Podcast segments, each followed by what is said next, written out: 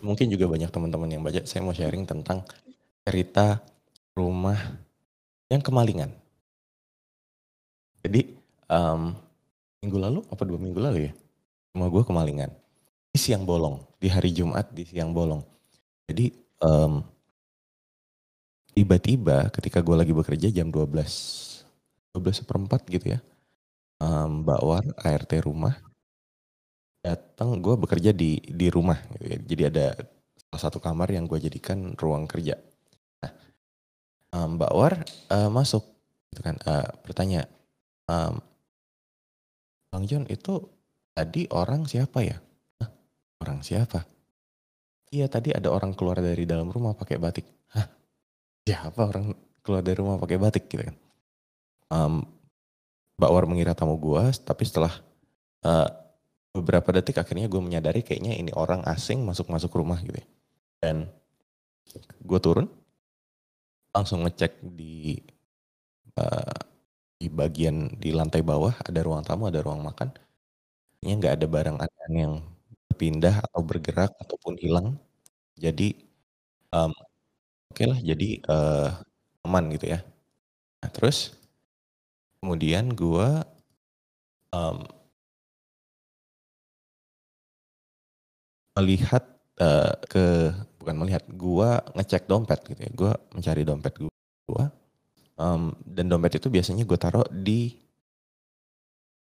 laci, di laci di uh, ruang tidur di lantai atas. Jadi ada laci takas ya, laci di, di meja. Di situ dompet pas gue buka dompet gue masih ada tapi gue menyadari um, ada duit yang banyak duit yang hilang. Karena uh, waktu itu gue gue narik um, cash. Karena di sini agak susah ke ATM jadi gue sekali narik cash banyak gitu ya. Kemarin itu gue narik 2 juta dalam bentuk 50 ribu dan 2 juta dalam bentuk 100 ribu. Itu pasti kayak buat bayar uang keamanan uang sampah buat bayar galon dan segala macam pasti kepake lah. Jadi gue tarik sekalian banyak gue taruh di laci dan kemudian gue menyadari uang itu nggak ada. Bahkan gue ngecek dompet gue sampai duit lima ribu lima ribu aja hilang. Oh berarti si orang ini dia sempat uh, eh, apa? Dia sempat masuk kamar terus uh, ngambil uh, ngecek laci gue dan ngambil duit laci gue gitu ketika gue jadi kesel ya. Lagi kan ceritanya juga Mbak War notisnya karena Ketika uh, jadi Mbak War itu dia kamarnya itu di depan garasi lah, di samping gitu ya. Nah di kamarnya dia mendengar pintu depan ditutup, gitu. depan ditutup dikira gue mau keluar padahal belum makan. Jadi Mbak War keluar ingin menanyakan um, gak makan dulu gitu ya. Nah tapi ketika dia melihat keluar, wah orang siapa pakai batik gitu, celana kain hitam, dia pakai sepatu lagi pakai sepatu kan. Orang nanya, e, Pak permisi ini siapa ya gitu. Oh saya uh, dari petugas RT gitu ya. Mau minta kelu, uh, mau minta sumbangan segala macam. Terus orangnya lawyer keluar gitu kan, lawyer pergi. Nah, um, Warnya juga bingung gitu kan, dan akhirnya nanya ke gue dan ternyata, oh ternyata maling nih. Dan ketika gue tahu uang gue hilang gitu ya, gue nggak tahu apakah gue gue kesel, gue marah, um, tapi gue uh, Gak tahu apakah gue lebih kesal karena uangnya hilang atau fakta bahwa ini orang um, sempat masuk ke kamar gue yang cukup private gitu ya dan ngubek-ngubek di situ gitu kan. Um, atau juga fakta bahwa uh, rumah gue jadi um, gue kan ada housemate ya jadi gue ada housemate di sini salah satu kamar gue sewakan housemate gue, dia lupa mengunci pintu. Kan? Dia ketika keluar lupa mengunci pintu, dan pintu gue itu um, enggak enggak rap apa ya, rapat. Ini kalau dia tidak terkunci dan ada angin cukup kencang yang uh, meniup pintu itu dia bisa kebuka sendiri. Gitu. Jadi mungkin ada bagian itu, terus juga ada bagian mungkin terledor pintu uh, apa gerbang depan tidak tertutup gitu ya. Jadi gerbangnya kebuka, mungkin pintunya juga kebuka sehingga orang itu merasa, oh bisa nih gue masuk. Meskipun terlepas dia kayaknya juga emang ngincar, ngincar rumah-rumah. Dan rumah gue kebetulan yang waktu itu kena. Nah, terus juga um, apakah gue kesel karena ini housemate gue yang teledor tapi gue yang kena batunya gitu. ya? Atau juga um, kalau dipikir-pikir kenapa kayaknya semesta mendukung banget kejadian itu terjadi. Um, harusnya biasanya ada Kezia tim gue yang kerja di rumah. Um, di hari itu uh, karena dia tidak enak badan jadi gue bilang ya udah kerja di apa kosan aja gitu nggak usah ke sini terus siangnya itu harusnya ada teman gue yang datang mau ngambil barang tapi karena meetingnya uh, apa karena meetingnya dia lagi meeting meetingnya telat tuh ya, jadi dia nggak jadi datang. Terus biasanya gue kerja itu gue di ruang kerja gue buka pintu biasanya buka pintu sedikit. Jadi gue selalu bisa mendengar orang jalan naik turun tangga gitu ya. Tapi di hari itu gue tutup pintunya jadi gue tidak bisa mendengar apa yang terjadi di luar sana. Dan juga um, pas di jumatan ketika satpam gak ada jadi di depan jalan gue itu ujungnya tuh ada pos satpam yang pasti kelihatan siapa orang keluar masuk dari rumah gue dan itu pas Jumatan tidak ada. Nah, jadi kesannya kok semesta mendukung banget ya. Tuh. Semesta mendukung. Wah, sebel. Tapi um, di hari kedua ketiga gue masih sebel, tapi ketika gue pikirin, kok kayaknya semesta mendukung, gue jadi mencoba reframing my mindset. Gitu. Kenapa hal ini perlu terjadi? Gitu. Kenapa uang gue perlu hilang? apakah ada kebaikan di balik hal ini? Kebaikan apa ya? ya karena melihat ya, ini housemate gue teledor, um, uang gue yang hilang gitu. Gue keselnya karena gue tidak ada apa pun. Tapi malah gue yang kena gitu. Nah, tapi ketika gue reframing mindset semesta mendukung, oh berarti uang ini harus hilang. Mungkin ada kebaikan di cerita ini dan gue jadi mikir, mungkin kebaikannya bukan buat gue. Mungkin kebaikannya buat orang lain. Mungkin kayaknya buat si maling yang benar-benar butuh uang, entahlah untuk hidupnya, mungkin untuk makan, atau mungkin anaknya lagi sakit, atau mungkin buat bayar anaknya sekolah, atau mungkin um, ya buat dirinya sendiri. Mungkin uang ini bisa memperpanjang hidup dia, terus nanti siapa tahu di masa depan dia berubah dan dia menjadi lebih bermanfaat buat orang lain, siapa tahu buat bayar anaknya sekolah, anaknya nanti di satu saat jadi orang pintar dan bisa membangun Indonesia, entahlah. Mungkin juga um, uangnya bisa digunakan untuk menolong orang lain.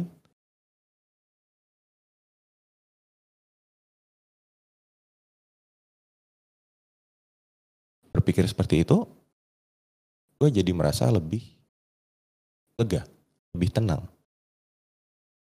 Jadi yang tadinya emosi negatif semua, pelan-pelan lebih emosinya mulai memudar gitu ya. Itu teman-teman. Jadi gue nggak akan tahu sebenarnya alasan dia nyuri apa. Bisa jadi dia cuma boleh dipakai judi, bisa juga. Bisa jadi uh, nyuri terus uangnya dipakai foya-foya bisa juga. Tapi karena gue nggak tahu alasannya apa gitu ya Gue cuma bisa menebak-nebak. Gue cuma bisa berasumsi. Dan gue memilih asumsi yang bisa lebih bermanfaat buat gue. Jadi asumsi yang bisa lebih bermanfaat um, dan daripada gue berasumsi negatif membuat gue jadi berpikir negatif, membuat hari gue jadi rusak gitu ya. Karena gue terus emosi negatif, oke, okay, jika gue shifting mencari sudut pandang baru, oh, uh, eh, gue jadi lebih tenang, gue jadi lebih lega, gue jadi bisa um, beroperasi sebagaimana mestinya, gitu ya, jalani hari-hari gue. Dan um, ya baik lagi tadi, gue tidak, gue tidak akan pernah tahu alasan orang ini mencuri uang gue apa. Yang bisa gue tahu mungkin ya, kan ada kebaikan sehingga in a way semesta mendukung. Banyak kebetulan-kebetulan yang bikin uang gua ini uh, jadi hilang.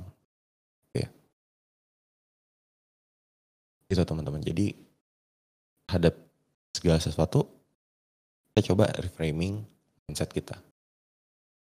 Next one. Nah, karena sebenarnya setiap kejadian itu netral. Kejadian netral, tapi kita kemudian melihat, oh kejadian ini menguntungkan kita atau tidak. Oh, kejadian ini, oh ini bikin gue rugi kan dalam kasus gue tadi. Ya, gue yang gak salah, gue yang malah hilang duit gitu ya. Housemate gue yang teledor, gue kehilangan 4 juta. Jadi ketika gue beli hal ini sebagai kerugian buat gue, memberikan label negatif, emosi gue juga jadi negatif. Nah tapi kalau dibalik, oh mungkin ada kejadian positif nih di balik semua ini gitu. Mungkin juga ada hal yang bisa gue pelajarin. Juga um, gue bisa jadi lebih uh, apa? Lebih berhati-hati gitu ya. Gue juga mengingatkan housemate gue jadi lebih berhati-hati gitu. Um, dan entahlah di masa depan mungkin gue orangnya eh, akan jauh lebih ya, berhati-hati dibanding yang sekarang gitu kan. Dan tadi oh, bisa jadi ini mungkin ada manfaatnya buat gue entahlah di masa depan. Gue nggak tahu.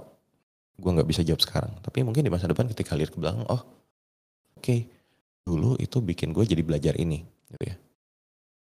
Jadi untung gitu. Ibaratnya di pandemi juga kan, pandemi ya, buat banyak orang itu bukan kejadian yang menguntungkan lah ada yang kehilangan uh, orang terdekat gitu ya, ada yang pemasukannya jadi kena, entah kena PHK atau juga uh, ada yang gajinya dipotong gitu ya, ada yang mungkin bisnisnya juga jadi jatuh gitu, ada yang juga um, mentally challenge karena harus lockdown di rumah terus gitu. Nah, tapi di satu sisi oh, pandemi ini bikin kita lebih kuat. Ditinggal orang yang sayang, bikin kita lebih menghargai kehidupan dan waktu yang sementara. Jadi ada hal yang kita bisa pelajarin juga, dan itu bisa membuat kita melihat dari sudut pandang positif juga. Gitu. Bukan berarti yang negatif di apa ya, dinihilkan ya, nggak juga. Gitu. Gue nggak sedih kok, nggak juga. Gitu. Gak apa-apa, ada emosi negatif diakuin aja, diterima. Dan itu yang akan membuat kita jadi berkembang. Next one. Jadi ada yang namanya show dan Satori Moments. Ini um, sempat gue share juga kemarin, gue mau mengulang sedikit. Kensho Moments apa? Kensho Moments itu adalah from pain. Ketika kita jatuh, kita jadi belajar pelajaran itu kan sebenarnya kita akan dapat ilmu, dapat skill yang akan uh, membantu kita untuk naik lagi. Misalnya, teman-teman, uh, ya kalau di gua kemarin kasus kemalingan, oh kasus kemalingan berarti oke okay, gue harus lebih berhati-hati gitu, gue harus lebih aware sama rumah gue juga. Terus mungkin ada teman-teman yang putus dari hubungan yang toksik. Tanya dunia hancur, tapi ternyata teman-teman jadi mengerti oh hubungan yang seperti ini nggak cocok nih buat gue jadi lebih tahu oh eh, orang yang cocok itu yang seperti ini ini. Jadi lebih tahu maunya apa misalnya pandemi gitu ya, yang bikin kita jatuh tapi di satu sisi oke okay, jadi belajar menata keuangan lagi jadi belajar lebih peduli soal kesehatan. Gila sebelum pandemi dipikir-pikir betapa kotornya hidup kita ya. Kayak sekarang dikit-dikit cuci tangan, keluar pakai masker gitu. Dulunya bahkan hal-hal yang seperti ini kita tidak peduli mungkin.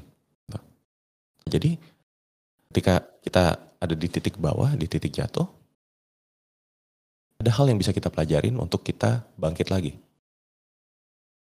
Dan kemudian ada juga yang namanya Satori Moments. Satori Moments ini kita tumbuh ketika Eh, kita tumbuh dengan insight. Growth from insight gitu ya. Misalnya lagi ikut kelas webinar, ternyata caranya seperti ini gitu, dapat insight baru. Atau baca-baca buku, nonton video, kan. Apa pun yang bisa bikin teman-teman dapat insight baru. Pikir sendiri juga kadang-kadang kita bisa dapat insight. Itu ya teman-teman. Jadi, nah ketika ada cancel moments ini pun, ketika ada hal yang selalu bisa dipelajarin, um, terutama ketika kita jatuh, kita juga masih bisa belajar. Kita jadi nggak takut buat jatuh. Karena kita mikir, oh oke, okay. mungkin ada sesuatu yang bisa kita pelajarin dari sini. Bukan berarti kayak, oh nggak boleh sedih, enggak ada rasa sedih, ada rasa marah, ada rasa kesal nggak apa-apa, diterima gitu. Ya, terima terus um, setelah itu kita reframe mindset kita, oke okay, apa yang bisa dipelajarin dari sini. Jadi kurang lebih itu sih. Nah, um, ada nggak teman-teman di sini yang mau sharing sedikit soal reframing mindset?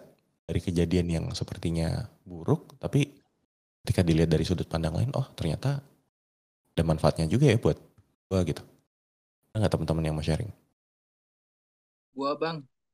Ya silahkan Ton. Nah, seperti yang tadi dibilang oleh Bang John sendiri ya, hmm. uh, gue sih ngalamin apa namanya, ngalamin hubung benernya kata di yang dibilang itu hubungan yang toksik. Nah, dari hubungan yang toksik ini tuh awalnya gue tuh kayak wah kok hidup gue jadi berantakan banget. Jadi kayak kesal sendiri gitu. Kesal sendiri dalam artian ya setelah melihat semua ini kok rasanya jadi kacau gitu. Tapi pas libur lebaran kemarin setelah sadar dan apa namanya? Setelah sadar dan merasakan emosi negatif ini justru gue tuh pelan-pelan dapet insight oh ternyata lingkungan yang toksik ini nggak cocok buat gue dan oh sekarang gue kalau sama orang ini harus mulai membatasi apa namanya membatasi mainnya. Karena kan pengaruhnya kurang kurang baik buat gue dan apalagi gue kan semester akhir yang memang harus fokus ke studi sama sama masa depan untuk mempersiapkan lebih tepatnya untuk mempersiapkan karir. Bukannya hanya main-main saja. Dari sini juga oh berarti gue harus nata time management gue biar biar lebih baik lagi. Walaupun ya keadaannya memang udah bisa dibilang kacau. Mhm. karena gue deket sama orang ini tuh dari awal semester dan selama kita akrab itu justru malah membawa ke hal-hal yang nggak produktif dan akibatnya ya gue kuliah jadi asal-asalan, tugas jadi banyak yang terbengkalai. Nah, dari kesadaran itu gue mencoba untuk memperbaiki sedikit-sedikit. Ya dengan itu tadi dengan dengan membata membatasi untuk bermain dengan temen yang toxic ini sama ya menata lagi apa time management. Kira-kira seperti itu sih pengalaman dari gue bang. Nice, thank you for sharing, Ton. Semoga sukses ya skripsinya. Uh, eh, gue baru ngambil skripsi semester besok sih bang. Ini lagi ngabisin mata kuliah yang masih nyisa-nyisa. Karena kan gue waktu semester 4 tuh sempet cuti. Salah-salah, semoga sukses studinya. Ya. Amin bang, amin. Oke, okay, thank you banget, Ton. Lagi teman-teman yang mau sharing? Gue bang, gue. Kan?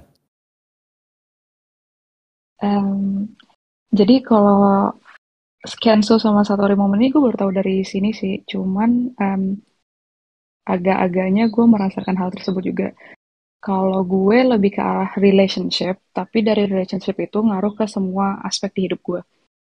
Gue itu gagal merit 2020 dan udah bareng-bareng tujuh tahunan. Uh-huh. Setelah kita putus, itu semuanya udah disiapin untuk nikah dan segala macam. Setelah kita putus, uh, gue kan ngerasanya hancur banget tuh karena gue tinggal bareng um, sama orang tersebut. Uh, gue ngerasanya kayak gue udah bergantung dan segala macam lalala. Gue ngerasanya kayak ah gila nih kerjaan gue jadi berantakan. um, emosional gue nggak nggak nggak stable sama keluarga juga nggak enak kayak malu kan kayak udah udah nyiapin segala macam and stuff gitu sampai gue um, akhirnya coba coba lagi mulai. Gue lihat lagi kan karena gue mikirnya kayak kayaknya gue gue rugi banget nih gue udah tujuh tahun bareng buang-buang waktu buang-buang masa muda gue buang-buang segala macamnya gitu loh kayak mempersiapkan untuk orang yang ternyata nggak bisa sama gue juga. Sampai uh, gue mencoba menjalani semuanya sendiri lagi belajar kayak untuk balik lagi ke orang yang mandiri tanpa ada orang lain di samping kayak gimana bisa ngeluangin waktu gue buat I don't know personal growth atau belajar sesuatu yang selama ini gue fokusinnya untuk ngurusin si cowok gue itu jadi gue rasa sekarang gue ada di growth from temporary pain yang gue rasain dari gagal menikah kemarin itu. Cuman uh, awalnya gue ngerasainnya ya gitu bang, yang sedih, kesel, marah dan segala macam, nggak terima. Kenapa sih nggak bisa? Kenapa sih ini kayak gini? Gue udah ngorbanin sekian lama nih investasi waktu, uang, perasaan dan lain-lain. Tapi kalau gue lihat-lihat di sekarang, ya gue udah bisa ngehandle semuanya sendiri. Gue jadi lebih banyak yang bisa gue pelajari dan apa ya kayak kayak jadi lebih bisa berhati-hati kalau misalnya mau bertemu dengan orang lain um, prioritasin siapa dulu dan segala macam gue bisa jadi reconnecting sama keluarga kebetulan gue juga jauh kan nggak nggak di negara yang sama sama keluarga gue gitu sih bang kalau gue Thank you for sharing ya. Eh siapa namanya? Ana, Ana bang. Ana. Mm -mm. Thank you for sharing ya Ana. Um, dan mm. iya mungkin sekarang kita jadi itu ya, yang tadi kan ada growth from pain ya ketika oh biasa bergantung terus sekarang ketika berpisah harus memulai semuanya sendiri.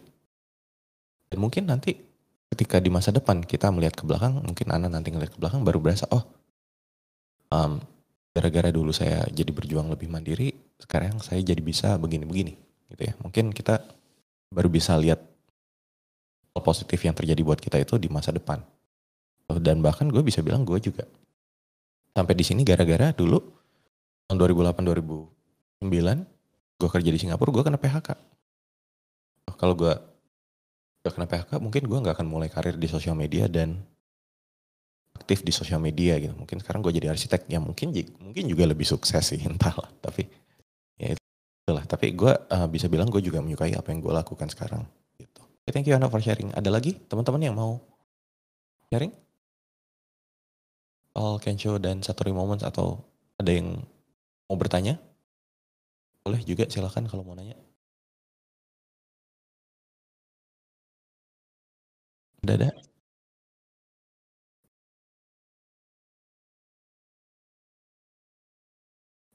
Sabrina mau nanya Sab?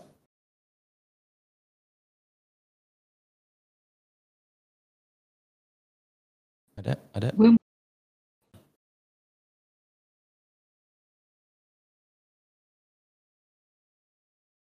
Oke lah, sambil uh, nunggu teman-teman kalau misalnya ada yang mau nanya, um, gue juga mau sharing sedikit soal tadi ya, soal um, kemalangan-kemalangan yang sepertinya saat itu malang, tapi ternyata kalau dipikir-pikir itu membawa gue ke gue yang sekarang tadi misalnya soal karir deh.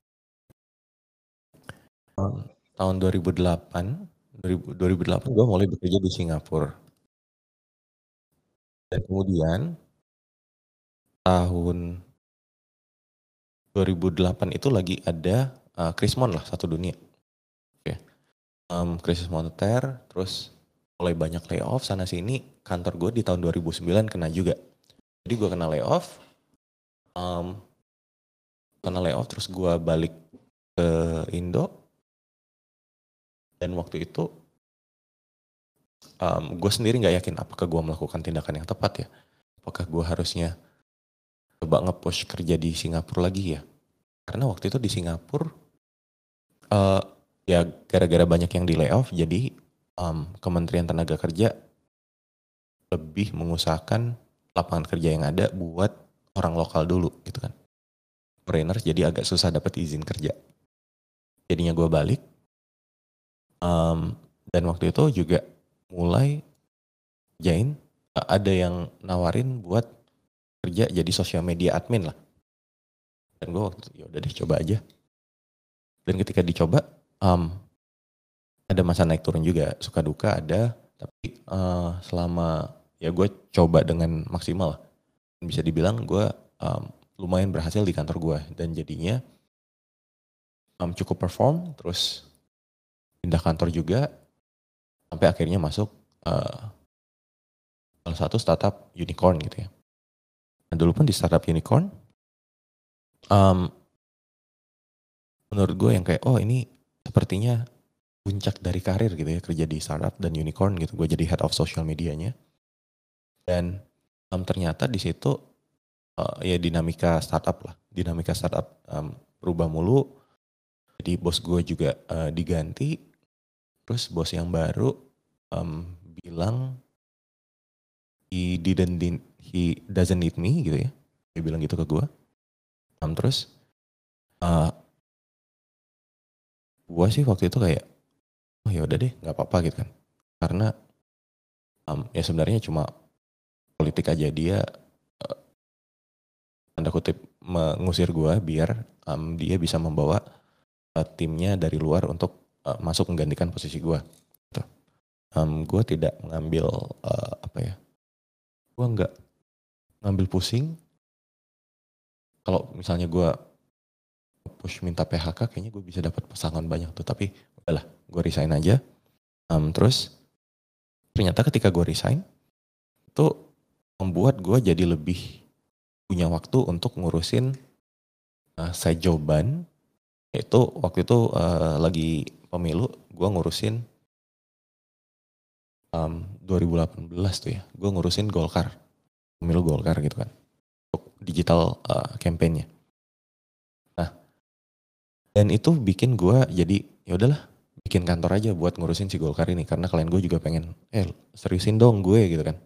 Ya udah, gue bikin kantor dan itu ternyata jadi salah satu keputusan yang yang bagus. Gitu. Karena gue bikin kantor, um, dan gue jadi merasakan oh ternyata gue bisa jauh lebih fleksibel gitu ya. Um, dengan waktu dengan uh, apa kerjaan gue gitu. Dan jadinya ketika pemilu udah kelar um, Golkar happy kantornya kita hibernate dan gue sekarang jadi lebih berani untuk memutuskan kerja sendiri. Itu dan tidak kembali ke startup karena kalau dipikir-pikir gak demanding juga waktunya gitu kan tapi itu pun gue bisa bilang gue cukup happy dengan hidup gue sekarang. Dan ketika gue melihat ke belakang, oh ternyata ada beberapa hal yang mengubah hidup gue. Itu yang tadi, um, gue dipecat di Singapura gitu. Jadi arsitek gue dipecat gitu. Um, terus kemudian ketika apa kejadian itu membantu gue untuk shifting ke sosial media. Nah kemudian di startup unicorn, gue di kick juga dari situ um, itu membantu gue untuk nge-push gue bikin kantor sendiri dan akhirnya sekarang gue bisa operate sendiri gitu. jadi kalau sekarang lihat ke belakang oh oke okay, ternyata kejadian-kejadian itu ada manfaatnya juga ya buat gue ya gitu. yang tadinya gue kira aduh ini ngapain sih perlu ada kejadian ini gitu. tapi sekarang ngelihat belakang oh oke okay. kejadian lima tahun lalu 10 tahun lalu ternyata efeknya begini gitu gitu teman-teman. Jadi kadang kita terlalu menyimpulkan kejadian itu bikin kita rugi gitu di saat itu. Tapi mungkin nggak di masa depan kejadian itu malah yang paling mengubah hidup kita. Yang paling bikin kita belajar. Kayak pandemi gitu ya. Yang paling bikin kita belajar. Mungkin bukan sesuatu yang manis. Tapi yang pahit itu pun sebenarnya bisa berguna gitu ya. Ibaratnya kalau nge-gym gitu kan gym kan latihan olahraga itu kan bikin capek gitu, bikin otot kita jadi ya disiksa lah kasarnya. Bukan sesuatu experience yang menyenangkan gitu ya. Tapi besoknya otot kita akan berkembang jadi lebih kuat. Gitu. Jadi ada manfaatnya juga sebenarnya. Nah, jadi uh, terhadap satu kejadian kita nggak usah terlalu buru-buru menyimpulkan oh kejadian ini merugikan kita, oh kejadian ini menguntungkan kita. Kalau yang untung bisa nggak jadi apa? Bisa nggak jadi rugi? Bisa juga. Bisa juga. Misalnya, oh, kayak misalnya orang-orang, oh, kalau judi gitu ya misalnya, orang judi satu dua kali tebakan, oh merasa beruntung gitu kan. Eh, wah, nih gue tadi menang dari tadi menang terus nih, oke gue akan taruhan lebih banyak, terus tiba-tiba kalah. Jadi bisa jadi juga hal-hal yang apa baik membuat kita jadi lupa diri, gitu. Buat kita jadi jadi nggak belajar gitu, malah jadi terlena. Itu juga hati-hati. Gitu. Jadi sebenarnya nggak kita memandang satu kejadian lebih netral, oke mungkin kejadian ini nggak terlalu bagus buat gue sekarang, tapi mungkin di masa depan dia membawa kebaikan sendiri. Gitu. Sebaliknya, oh kejadian ini bagus sih buat gue sekarang, tapi apakah ini membuat gue terlena gitu, sehingga gue jadi uh, tidak berhati-hati di masa depan gitu. Itulah teman-teman. Eh, ada lagi yang mau nanya? Terus cerita? Udah ada? Bang, kalau pada saat um, apa sih cancel momennya lu itu kan itu biasanya kita ada guncangan emosi nih bang ya. Betul. Rasanya rasanya kayak aduh kok gue bego banget ya gue membiarkan kejadian tersebut terjadi gitu. Coba seandainya gue A B C D E lalalala itu kan bang. Nah sebenarnya kita tuh emang harus merasakan hal tersebut terus nanti menyadari kalau itu nanti akan membawa efek positif yang mana kita akan lebih berhati-hati atau lebih apalah gitu yang lebih positif karena kejadian tersebut terjadi uh-huh. atau kayak kan itu bisa outputnya bisa dua ya bang orang jadi belajar dengan kejadian tersebut atau dia kayak mm, berlarut-larut sama emosi dan rasa bersalah atas kejadian tersebut gitu loh bang. Right. Cara menanggulanginya gimana? Oke, okay. dulu mungkin pemikiran gue sederhana ya. Jadi gini, misalnya gini, gue sedih patah hati pernah. Satu masa gue patah hati, sedih-sedih banget gitu ya. Tapi berhubung waktu itu gue ada cicilan KPR, kayak aduh gue pusing, gue sedih, tapi nggak mau ya udahlah, tetap harus kerja gitu ya. Jadi tetap uh, apa? Gue, nah dari situ juga gue jadi merasa kayak ketika kita beremosi negatif gitu ya, bukan berarti kita tolak bukan. Tapi at some point um, kita harus tetap bisa menjalankan hidup kita sebagaimana mestinya gitu loh. dalam hal kasus gue mau gue berlarut-larut sedih nggak bisa beroperasi dengan baik ya nggak bisa bekerja dengan baik ya bisa jadi gue tidak bisa membayar PR rumah gitu kan. Nah jadi take some time to grieve gitu ya. Sometime to grieve. Di tahun 2020 gue kehilangan kucing gue. Itu gue patah hati sejadi-jadinya gitu ya. Karena konteks um, gue tiga tahun hidup berdua dengan kucing ini. Gitu. Karena gue tinggal sendiri. Um, dan waktu itu gue merasa, oh sepi juga ya. Jadinya gue air kucing gitu. Namanya Miko. Nah, Miko ini ya, ya bisa dibilang apa ya? Um, semakin kamu uh, apa semakin kamu menghabiskan waktu energi tenaga uang uh, satu hal lama-lama kamu akan jadi sayang sama hal tersebut. Ibaratnya lo koleksi uh, perangko juga ya semakin lama lo lihat-lihat tuh perangko gitu nyari-nyari perangko apa segala macam lo bakal cinta sama tuh perangko gitu. nah same thing dengan Miko gitu. Dan waktu itu dia ya ya mening apa? Ya matinya lumayan cepat lah. Jadi kena penyakit entah dari mana gitu. Lumayan fatal. Dan kondisinya langsung drastis memburuk. Um, dan gue tidak siap gitu ya. Tadinya gue pikir oh gue bakal sama kucing ini. Kucing kan bisa 10 sampai 15 tahun ya. Sampai 15 tahun lagi gue sama dia gitu. Mungkin nanti gue menikah punya anak dan kucing ini bakal uh, main juga sama anak gue gitu kan. Tapi ternyata 3 tahun uh, tiga tahun mati gitu. Dan itu gue um, tiap hari gue duduk di balkon apartemen ngerokok nangis. Kerja bentar gitu ya.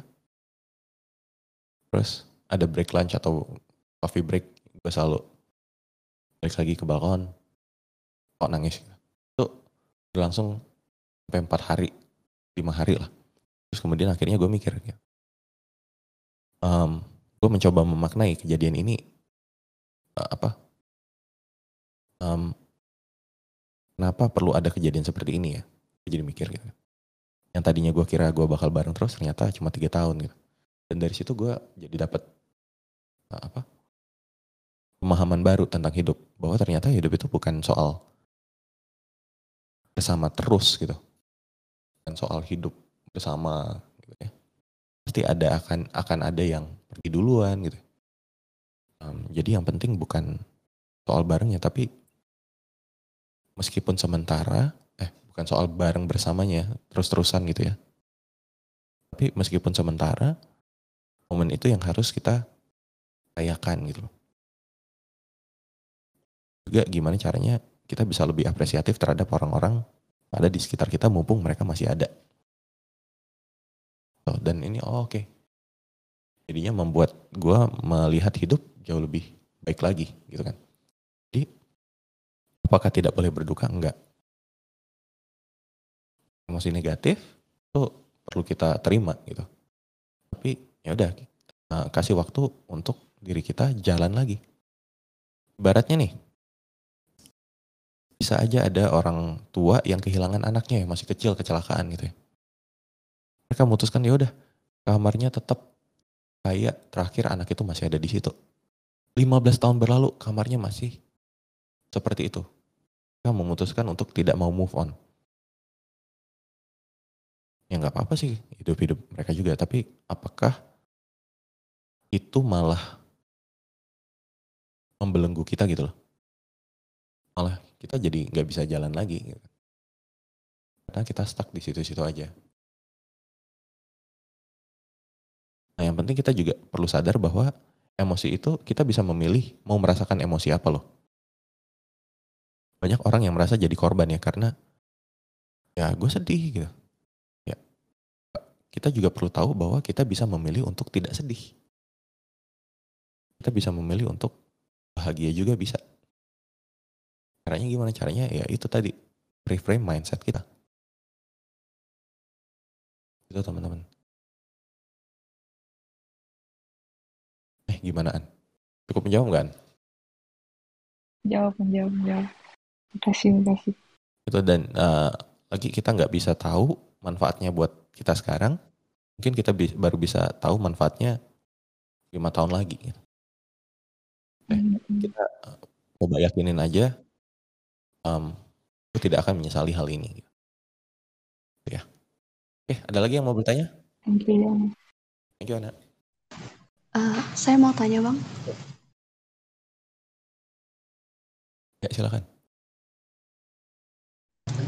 uh, sebenarnya mau tanya uh, apa klarifikasi pemahaman saya sih kalau misalnya nanti ada yang keliru nanti tolong diluruskan ya bang kalau kalau ini yang saya apa namanya yang saya ini tentang pelajaran ya kelas sama, sama menerima takdir gitu ya. Kalau misalnya kalau misalnya dari apa namanya dari kisah Bang John tadi yang kita yang apa kemalingan itu sebenarnya kan sudah bisa move on sudah bisa menerima. Cuman kalau yang cuman uh, apa namanya dari sikap itu bisa di, bisa dibilang ikhlas gitu nggak sih? Maksudnya apakah sikap sikap ikhlas kita itu cukup dengan move on dan sudahlah kita jalani jalani hidup yang terus berlanjut gitu? Atau atau uh, ada upaya-upaya uh, apa ya namanya upaya bukan mencari keadilan cuman karena sebenarnya itu kan hukum ya kita bisa melakukan hmm. Apa namanya misalnya lapor polisi gitu kalau misalnya kita punya bukti CCTV atau apa kan kita bisa ke, ke pihak berwajib gitu. Itu perlu kita lakukan nggak? Atau cuman atau cuma atau cukup atau cukup dengan oh ya sudahlah sudah terjadi. Mungkin ada hikmah di balik semua ini terus kita move on lagi lanjut lagi atau bagaimana bang? Terima kasih. Oke okay. that's actually a good question uh, Pipin. Thank you. Um, jadi oke apakah perlu meminta keadilan ya balik lagi konteks teman-teman gitu ya meminta keadilan ya silahkan tapi masalahnya gini, terlepas dari orang itu ditangkap atau tidak, kalian ikhlas nggak? Gitu ya. Jadi ini sebenarnya ada dua hal yang berbeda. Satu kita pengen adil, kita pengen ya misalnya orang ini melakukan tindakan kejahatan. Betul, aku tidak membenarkan juga pencurian gitu ya. Jadi ketika aku coba berempati, oh mungkin orang ini butuh gitu ya. Bukan berarti aku jadi, udah, lo silakan curi aja semua orang gitu. Enggak gitu juga. Ya kan? Tapi berempati itu lebih mengerti perasaan dia tanpa perlu membenarkan memberikan justifikasi terhadap hal buruk yang dia lakukan gitu. Jadi kalau teman-teman mau melaporkan ke polisi, silakan gitu kan. Gak ada yang salah dengan itu. Nah, masalahnya adalah terlepas dari orangnya ini ditangkap atau nggak ketangkap, kita ikhlas nggak? Kan? Kita bisa menerima nggak? Apa jangan-jangan tiga bulan berlalu gitu masih kesel, aduh ini orang mana sih kok nggak ketangkap-tangkap gitu. Itulah teman-teman. Karena ketangkap atau tidak itu kan di luar kendali kita ya. Kita nggak bisa uh, apa mengendalikan polisinya harus kerja sekeras apa gitu ya. Kita nggak bisa mengendalikan tiba-tiba malingnya tangkap juga gitu kan. Itu kan di luar kuasa kita. Yang bisa kita kendalikan apa? Yang bisa kita kendalikan emosi kita sendiri. Gitu. Jadi terlepas tadi ya, mau tindakannya seperti apa, silahkan tapi jangan sampai malah um, emosi kita gak bisa kita kendaliin malah jadi bergantung sama output gitu. Kita baru happy kalau uh, malingnya ketangkap misalnya jangan maling deh misalnya um, putus deh putus sama mantan gitu ya. Kita baru bisa happy kalau mantan menderita gitu. Eh tiba-tiba mantannya malah jadian kan? Jadian lebih dulu loh. Kok dia bisa bisanya udah jadian padahal baru putus dua minggu terus kita yang jadi sebel kita jadi marah. Itu kan ya mau jadian apa enggak kan kita tidak bisa kendalikan. Tapi yang kita bisa kendalikan apa? Ya emosi kita sendiri perasaan kita sendiri. Jika misalnya udah udahan gitu ya nggak ada yang bisa dilakukan lagi buat jaga hubungannya dan akhirnya putus udah. Ada perasaan sedih, kesal, marah, gak apa-apa di acknowledge. Tapi di satu sisi ya kita juga harus menerima kenyataan bahwa ya udah udah putus. Jadi kita coba-coba uh, apa perlahan move on gitu. Gitu loh. Tiapin jadi mau melapor silakan. Tapi terlepas hasil laporannya gimana, malingnya ketangkap atau tidak, jangan sampai itu yang jadi penentu keikhlasanmu gitu. Gitu. Ada lagi teman-teman yang mau bertanya? Oke, bang, berarti berarti ini ya bang, maksudnya kita fokusnya pada penerimaan diri kita sendiri gitu ya? Betul, betul. Oke. Karena ketika gini, ketika kita ya. bisa yang tadi ya, kita bisa jadi lebih ikhlas, kita jadi bisa lebih lega, kita jadi lebih bisa menjalani hari-hari kita dengan baik gitu kan. Oke, makasih bang. Oke. Ada lagi yang mau nanya? Atau cerita? Uh, ya. Saya bang mau nanya. Hmm, silakan. Eh, boleh ini gak bang? Kan tadi diceritain bang John pernah eh, di PHK saat kerja di Singapura. Kira-kira boleh sharing gak bang saat uh, setelah PHK itu Bang John gimana ngerasainnya dan uh, cara mengatasi perasaan itu itu gimana gitu cara mengatasi menghandling situasi saat itu kayak gimana kira-kira boleh sharing gak bang? Right, gue dulu, eh, thank you Vanita. Um, gue dulu itu kayaknya gue gue dulu gue yang dulu tidak terlalu mengakui perasaan gue justru ya. Um, lebih banyak gue singkirkan dan gue yang sekarang yang jauh lebih bisa menerima. Jadi gue dulu itu mungkin di satu sisi gue langsung fokus ke apa yang bisa gue lakukan. Gitu ya. Karena gue merasa kayak ah udahlah ngapain sedih ngapain marah? Ya sia gitu kan. Gak mengubah ke keadaan. Gue selalu mencari tahu apa yang bisa gue lakukan untuk keadaan ini tidak jadi lebih buruk. Gitu. Jadi ketika misalnya di PHK gitu ya um, dapat kabar siangnya oke okay, sore gue udah mencari-cari lowongan lagi gitu. Jadi gue selalu itu um, apa ya uh, kalau misalnya ada hal yang gue lakukan yang sia-sia nggak mengubah keadaan ngapain gue lakukan? Ngapain gue marah gitu. Kalau misalnya um, misalnya gini taruhlah uh, apa ya kucing gue jatuhkan TV gitu ya pecah gitu. Kayak mau marah TV-nya juga nggak bakal balik lagi. Mau sedih juga TV-nya nggak bakal balik lagi gitu kan. Ya udahlah cari TV baru aja gitu. Nah, tapi di sisi lain gue jadi me, me, emosi gue kayak itu kan. Aduh ngapain sih sedih? Aduh ngapain sih marah? Padahal um, ya sebenarnya itu nggak apa-apa buat mengaku itu. Gue baru belajar sekarang. Dan mungkin kalau kasarnya kalau emosi negatif dipendam dipendam terus lama-lama sekali meledak kan jadi nggak sehat gitu ya. Jadi nggak apa-apa dikeluarin sedikit-sedikit uh, dengan cara yang lebih sehat lah. Tapi kayaknya kalau dulu gue nggak terlalu banyak ini sih. Kayak anaknya positif banget. Wow. Kayak ya di PHK ya udahlah dapat pesangon. Udah gue cari kerja lagi aja. Lebih lempeng justru dulu. Menurut gue itu sebenarnya bukan sesuatu yang oke okay juga ya karena banyak emosi negatif terpendam. Itu cara saya dulu. Gimana Konita? Ya thank you bang atas sharingnya. Dan sekarang justru itu ya sekarang gue merasa kayak gue lebih mengakui gitu. Ketika kucing gue mati itu gue ya seminggu berduka lah dan gue mengakui itu. Mungkin gue yang dulu kayak ah udahlah ngapain? Nangis tuh udah nggak akan balik gitu ya. Udah mending cari kucing baru atau apa gitu kan. Dulu lebih mencari distraksi juga tapi jadinya belum berdamai gitu. Belum berdamai dengan diri sendiri masih kepikiran-kepikiran terus. Itu sih. Oke. Ada lagi yang mau tanya? Uh, eh, gue bang. Hmm. Berarti uh, ini nyambung dari pertanyaan yang tadi ya, sama sharingan yang Bang John tadi sampaikan. Berarti untuk nge-reframing kejadian yang udah dialami gitu, entah kucing meninggal atau PHK itu, baik lagi ke uh, cara kita untuk melatih bagaimana cara melatih kita untuk apa ya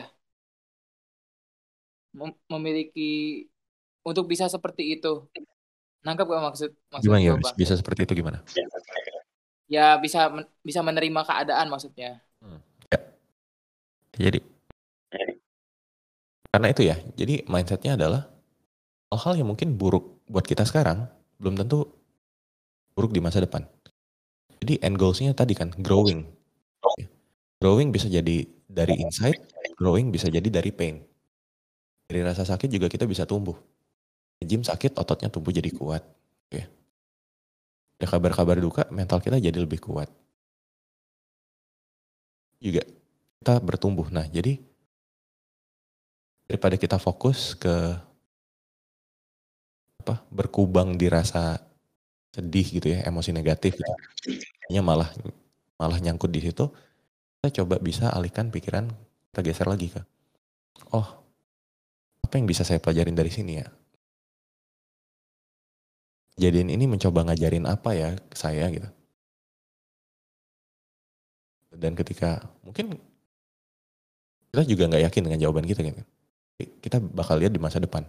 Nah sekarang teman-teman coba lihat di masa lalu. Gitu ya.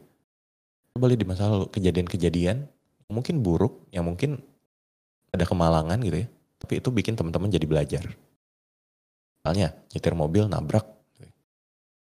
Kita jadi belajar lebih hati-hati juga jadi belajar gitu. Gitu. Ya. Gimana Ton? Udah menjawab Bang. Makasih Bang. Oke. Okay. Ada lagi yang belum bertanya? Sharing? Halo Bang.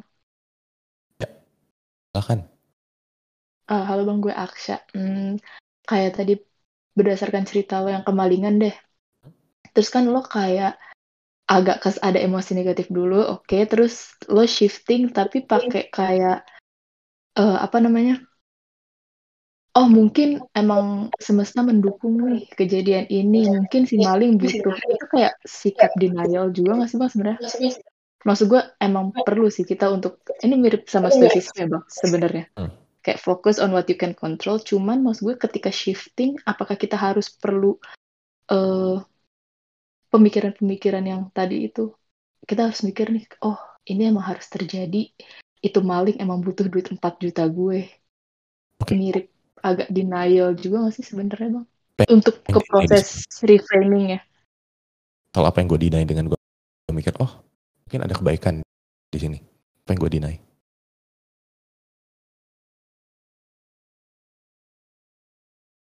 Apa yang gue deny tadi pertanyaannya bang oh mungkin ini gak sih Deny kayak yang, Mm, mm, mm, mm. apa yang gue deny di situ. Oke, gimana?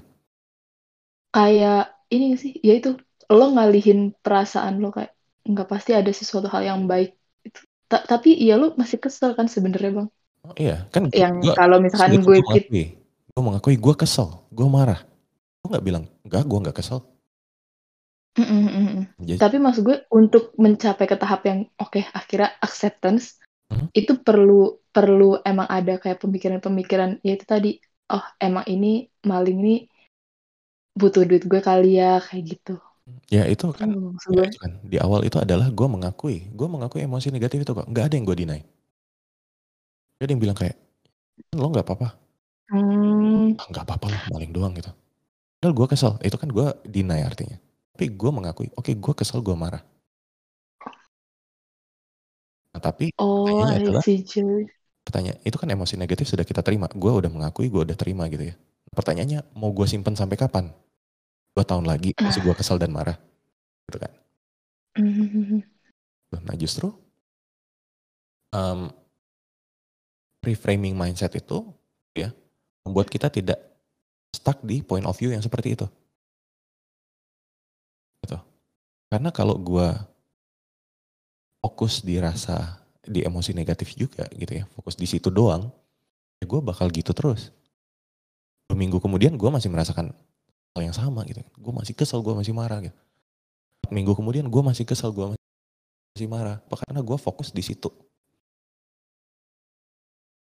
Gue alihkan perhatian. Oke, gimana caranya biar gue bisa menerima kejadian ini lebih baik, lebih cepat gitu ya. Mungkin di gue proses acceptance-nya cepat. Mungkin gue butuh empat hari buat menerima itu. Mungkin ada teman-teman yang butuh waktu lebih lama berproses, nggak apa-apa juga.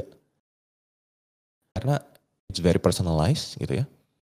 Dan ada orang yang masih kehilangan orang tua gitu ya. Udah dua tahun masih belum bisa move on. Ya, kalau memang proses teman-teman seperti itu ya silahkan gitu. Gitu. Nah, mungkin gue kebetulan prosesnya jauh lebih cepat. Dan menurut gue sih tidak ada yang gue deny. gitu Ya. Jadi gue menerima, hmm. langsung gue resapi gitu, langsung gue pikirkan gitu. Kayak Ah, oke oke oke ya nggak kayak ah enggak kok aja gitu. Gue tidak baik, tapi dan gue menjadi baik. Eh, sorry bang lanjut dikit. Kayak tadi Ah. acceptance eh maksud gue itu ada kayak termasuk kayak paksaan dari diri juga sih bang? Maksud gue apakah ak- eh, gimana ngomongnya? Lo memaksa untuk ya I have to change the perspective kayak gitu. Tapi eh, apakah kalau apakah itu paksaan itu sih bang? Maksud gue kayak Hmm. kita untuk menerima kayak gitu tuh perlu paksaan juga nggak sih sebenarnya? Oke, gimana kalau gue bilang semua kejadian itu netral, cuma kita memaksa diri kita melihat negatif.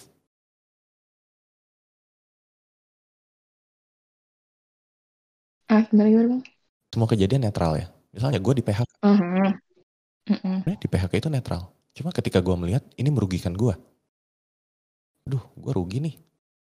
Gue jadi nah, apa? Gue jadi gak dapat masukan. Gue jadi bingung nyari kerja lagi. Gue mengecap itu sebagai hal yang negatif kan jadinya. Tapi gimana kalau misalnya ternyata bisa positif di masa depan? Atau gini deh, ini deh, teman-teman, misalnya nih, ini contoh favorit gue nih. Kita eh, jalan-jalan, liburan, hari Minggu kita balik, uh, kita ke Singapura ya, misalnya ke Singapura. Kita mau balik ke Indo lagi, hari Minggu malam flight terakhir. Eh ternyata kita ketinggalan pesawat. Gitu kan. Ketika ketinggalan pesawat, wah besok ada meeting lagi, bisa telat, wah bisa kena marah, wah harus bayar pesawat, beli tiket pesawat lagi, harus uh, bayar hotel lagi gitu ya. Ketika kita lihat itu jadi hal yang negatif, emosi kita jadi negatif. Udah kita akhirnya nginap lagi hotel semalam, besok paginya kita pergi dengan pesawat uh, paling pagi jam 6 gitu ya. Kita bangun jam 5, terus ternyata ada berita kalau pesawat yang kemarin kecelakaan. Gak ada yang selamat. Nah dari yang tadi kita sih kesel gitu ya. Kenapa sih gue ketinggalan pesawat? Terus tiba-tiba jadi bersyukur. Wah. Untung gue ketinggalan pesawat gitu ya. Terhadap hal yang sama gitu kan. Tapi ketika kita memaknai berbeda, emosi kita jadi berbeda.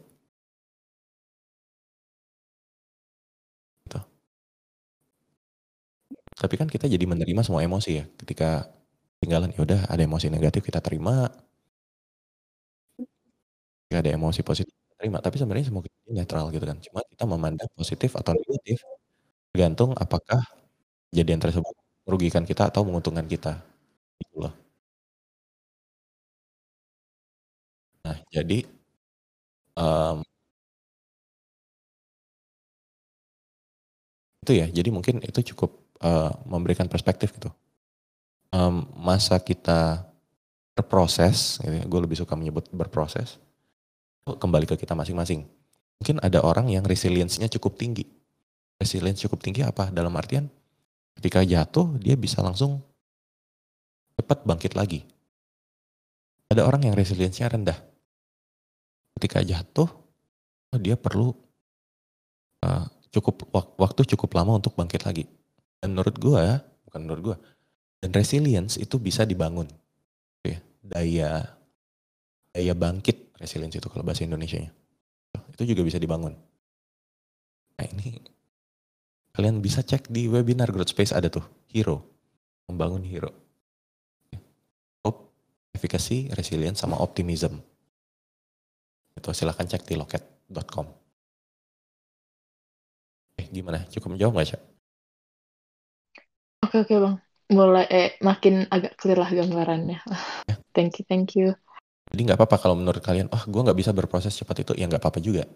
It's very personal gitu. Tapi rasanya diakui, diterima, habis itu coba kita shifting mindset. Mungkin nggak dari satu kejadian, kita cuma ngelihat dari sisi negatifnya. Gitu kan. Mungkin nggak sebenarnya ada hal-hal positif yang nggak kita lihat. Ibaratnya makan permen enak gitu makan permen tiap hari, wah enak, enak, manis. Gitu. Ternyata jadi diabetes. Gitu kan. Hal yang positif, tapi gara-gara kita uh, apa? Kita sampingkan ada hal-hal negatifnya, ya, jadinya malah jadi penyakit, misalnya seperti itu. Oke, lagi yang mau bertanya?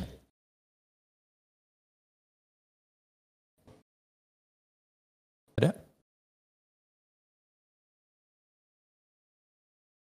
Kalau tidak, Ya udahlah. Um, kalau tidak mungkin uh, sebagai penutup juga sebelum gue kembalikan lagi ke Devon. Um, Space ini juga gue uh,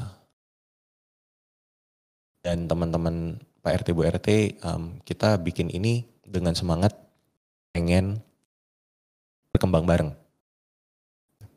Karena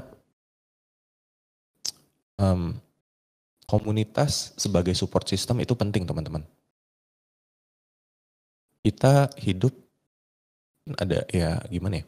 Ibaratnya gini.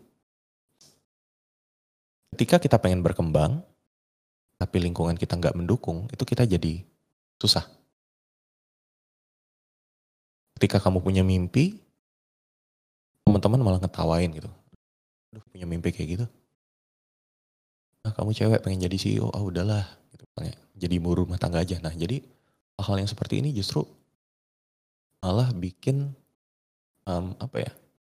Ketika sekeliling kita justru menertawakan mimpi kita gitu, tidak mendukung kita, efeknya malah ya kita jadi gak berani mimpi, gak takut melakukan sesuatu.